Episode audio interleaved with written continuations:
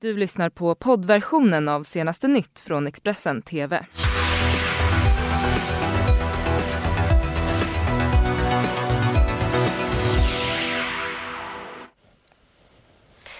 God morgon, varmt välkomna till senaste nytt eh, denna lördag den 19 oktober. Och det här är våra topprubriker eh, just nu. Sjukhusen ja, de står still, vinsterna de går till kafferosteri. Ja eller nej, idag så kan det avgöras om Storbritannien gör en Brexit. Och åklagaren om bevisen mot eh, Trump starkare än vad de var mot president Nixon.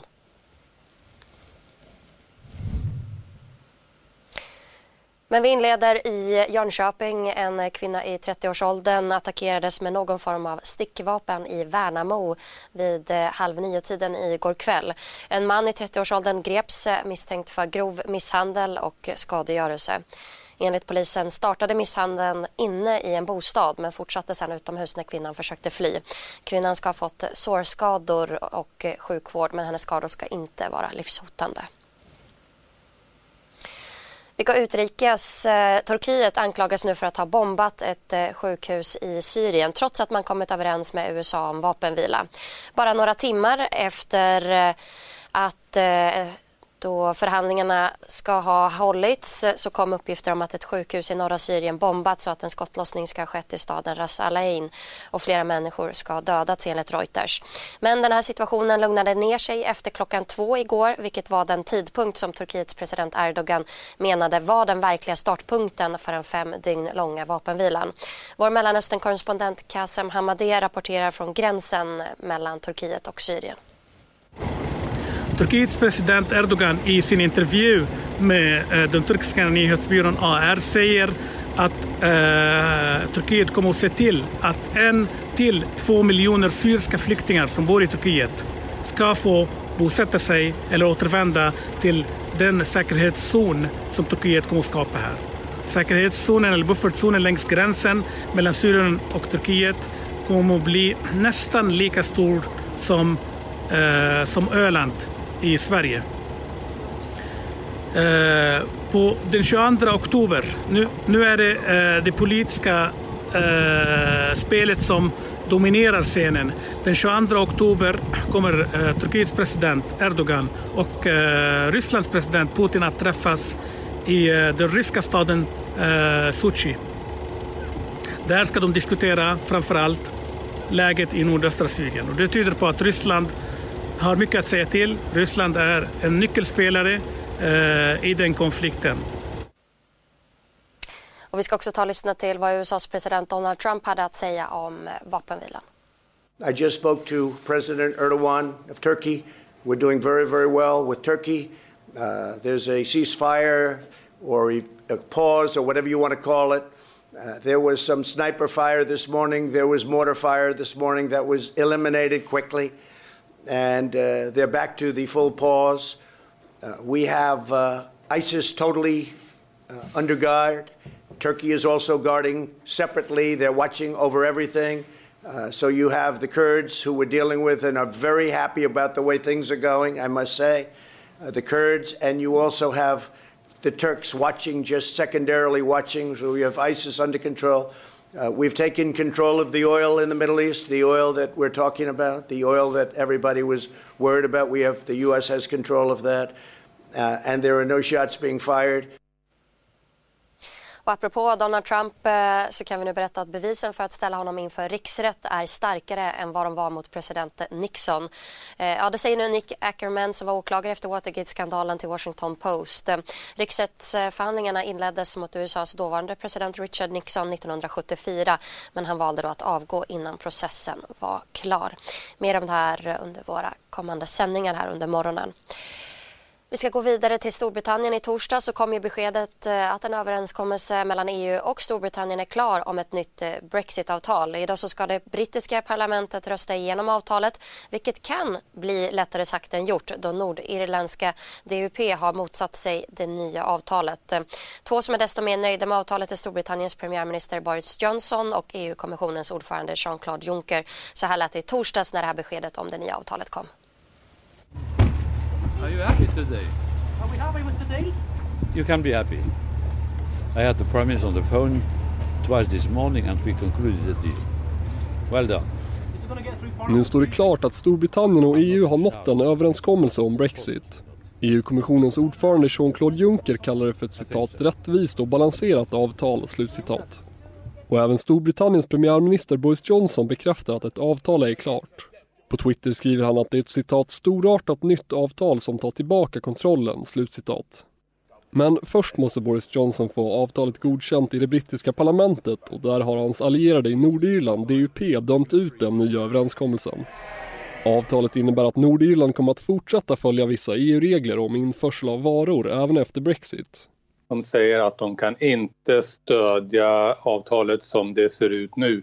Och det är i så fall ett allvarligt bakslag för hela processen för att det blir väldigt svårt för Boris Johnson att få igenom ett eventuellt nytt avtal i sitt eget parlament om det inte är så att nordirländska DUP med sina tio röster inte stödjer detta. Och vi fortsätter såklart att följa utvecklingen i Storbritannien under dagen. Vi går vidare. Den ena tvillingen med, eh, utvisas medan eh, den andra får stanna. Expressens Johanna Karlsson skriver idag om de 26-åriga tvillingarna Amel och Am Amela Ramovic som har levt halva sina liv i limbo i Sverige utan uppehållstillstånd. De är statlösa och ingår därmed i den sjätte största gruppen som söker asyl i Sverige. Amel och Amela fick sina beslut från Migrationsverket samma dag. Amela får stanna i Sverige medan Amel alltså då ska utvisas. Expressens eh, Johanna Karlsson har träffat dem i Amelas lägenhet i Malmö. Vi har, vi har gjort allt likadant. Så ja, han har ju gått sen dagis tills vi gick ut eh, gymnasiet. Vi har ändå vistats lika lång tid i Sverige, anpassat oss.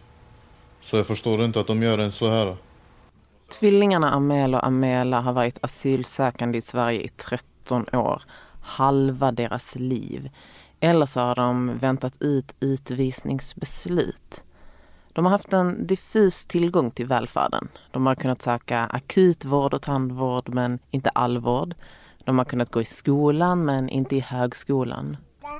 Gruppen personer med utvisningsbeslut som inte följer besluten växer i Sverige och det har tagits ett antal beslut som gör det svårare för dem att verka Bland annat är inte kommuner skyldiga att betala ut försörjningsstöd till människor med utvisningsbeslut och de kan inte heller längre få praktikplatser via Migrationsverket som gör att man kan vara i arbetslivet även fast man inte får jobba. Men diskussionen om på vilka grunder man borde få uppehållstillstånd efter att själv ha hållit sig kvar en lång tid i Sverige är stor och Amel och Amela tycker att man borde väga in anpassning till Sverige, speciellt för personer som kommer hit väldigt unga. Har du anpassat dig nu i Sverige, så varför ska du inte stanna här? Sverige går ju bara i plus. Du betalar ju skatt sen när du jobbar det. Så man ska ändå få stanna vad jag tycker. När man anpassar sig, när man inte anpassar sig, det är en annan grej. Om du visar att du verkligen vill som eh, vi till exempel, och som kanske många andra också som har varit här i Sverige, har försökt kanske ansöka om ett jobb, ansöka om praktik eller någonting sånt, så visar man ändå att man vill i Sverige. Man vill bara kanske bara få uppehållstillstånd, men du kanske bara vill sitta hemma och leva på socialen. I mitt fall hade, ville jag aldrig göra det. Sedan eh, en månad tillbaka är beskedet att Amel ska utvisas och hans mamma också medan tvillingsystrarna Mela själv får stanna med sin nya familj. I slutändan tycker jag att de också bott här i 13 år och de har tagit fram alla handlingar de verkligen kan ta fram. Så förstår jag inte riktigt varför de blir nekade. Men samtidigt förstår jag också varför jag har fått det. Jag skulle nog kanske också fått negativt om jag inte hade haft ett barn här. Det ska nu handla om sjukvårdskrisen. För den senaste tiden så har vi rapporterat en hel del om omfattande brister på sjukvårdsmaterial på flera ställen i landet. Eh, något som också har lett till att över 100 operationer har behövt eh, ställas in. Och det är företaget Apotektjänst som förser sjukvården i de här drabbade regionerna med just material. Expressens eh, Frida Sundqvist kan nu berätta att Apotektjänst ABs mångmiljonvinster ja, de går till att täcka förluster i ett exklusivt kafferosteri på Lidingö i Stockholm. De senaste tre åren så har nästan hela den sammanlagda vinsten på 180 miljoner kronor slussats eh, från Apotekstjänst, företaget nu alltså då, som har orsakat inställda operationer i tre landsting. Frida Sundqvist som har granskat det här ämnet, hon berättar här mer. Krisen med sjukvården handlar ju om att eh, sjukhusen inte får eh, det material som de behöver så de tvingas ställa in operationer. Vi har ju hört flera liksom, larmrapporter och ganska panikartade uttryck och uttalanden från sjukhusen. Det jag har gjort är att eh, titta närmare då på det här bolaget som har lovat och vunnit en upphandling att de ska leverera till sjukhusen. Och de ingår i en koncern som tidigare har fokuserat på filmuthyrning, Eh, en bransch som ju eh, inte direkt eh, längre är på uppåtgående kan man väl säga, för att uttrycka det milt.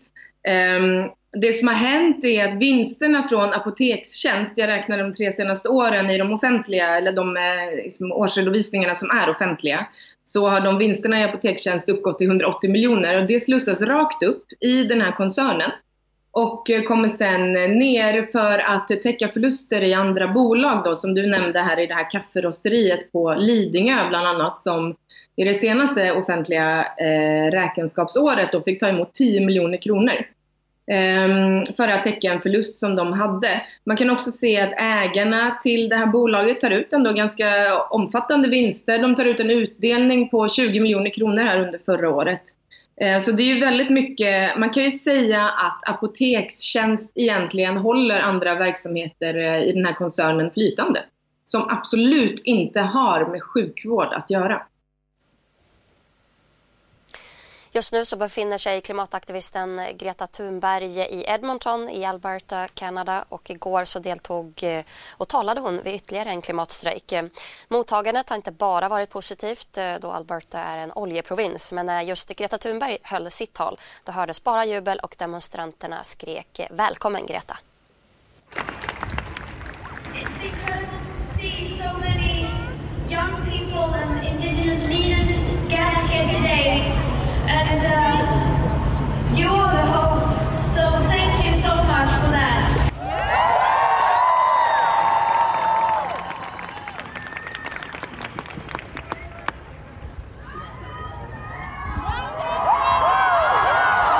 If people really were aware of this, they would need to ask us why we are still striking for the climate and taking it to the streets.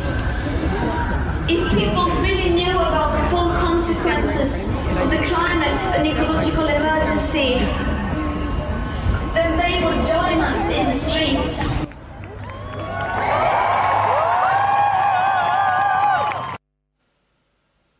Fortsätt titta på Expressen TV. Vi är alldeles strax tillbaka med fler nyheter. Du har lyssnat på poddversionen av senaste nytt från Expressen TV. Tillförordnad ansvarig utgivare är Klas Granström. Poddtips från Podplay. I fallen jag aldrig glömmer djupdyker Hasse Aro i arbetet bakom några av Sveriges mest uppseendeväckande brottsutredningar. Går vi in med hemlig telefonavlyssning och, och då upplever vi att vi får en total förändring av hans beteende. Vad är det som händer nu? Vem är det som läcker? Och så säger han att jag är kriminell, jag har varit kriminell i hela mitt liv men att mörda ett barn, där går min gräns. Nya säsongen av Fallen jag aldrig glömmer på Podplay.